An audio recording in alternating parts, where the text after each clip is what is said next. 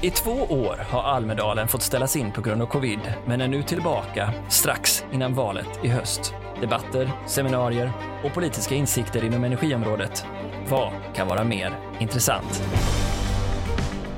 Katja Lindblom här. Eh, jag står här med författarna till Elsystemkrisen. Jag tänker att ni får börja med att presentera er, vem ni är och vad ni gör för något. Jo men hej, jag heter Maja Lundbäck och just nu sitter jag som Senior Advisor i Bryssel hos Ensoedo och jobbar med systemansvar och drift av alla Europas elsystem. Och jag heter Henrik Svensson och jag är kraftverkschef för Karlshamnsverket.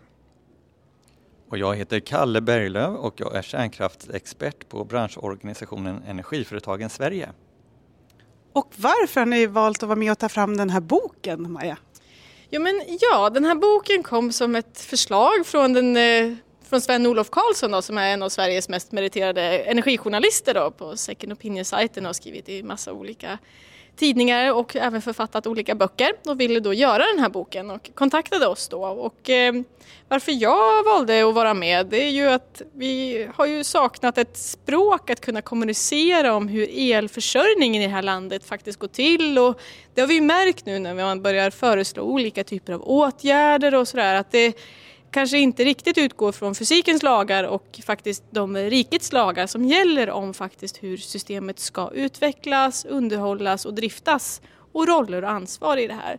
Så därför valde i alla fall jag att delta för att det här var ett ypperligt sätt med väldigt kompetenta människor och samla ihop det arbete som vi har gjort nu under ganska många år. Ehm, så det har varit väldigt roligt och väldigt givande tycker jag. Tack! Och varför valde du att vara med? Ja, i mitt arbete med kärnkraften så har jag noterat att kraftsystemets prestanda eh, har försämrats under en rad år. Eh, och det här har jag upptäckt just på grund av att kärnkraften är väldigt tätt förknippat med kraftsystemet som sådant. Eh, när vi har mindre kärnkraft i södra Sverige så ser vi också att det blir mindre överföringsförmåga från norra till södra Sverige i stamnätet. Det här hänger ihop.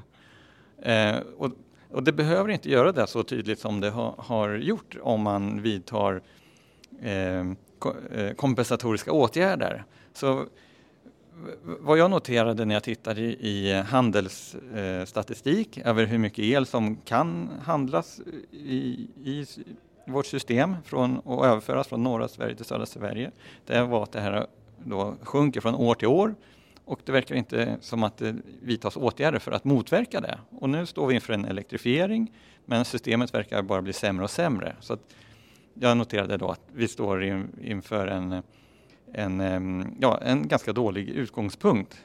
Eller det skulle kunna bli en dålig utgångspunkt.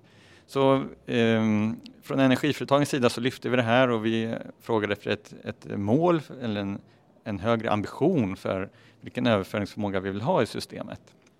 Och det senaste halvåret har vi också sett att det börjar ske förändring. Och den här utvecklingen då har vi skildrat i den här boken.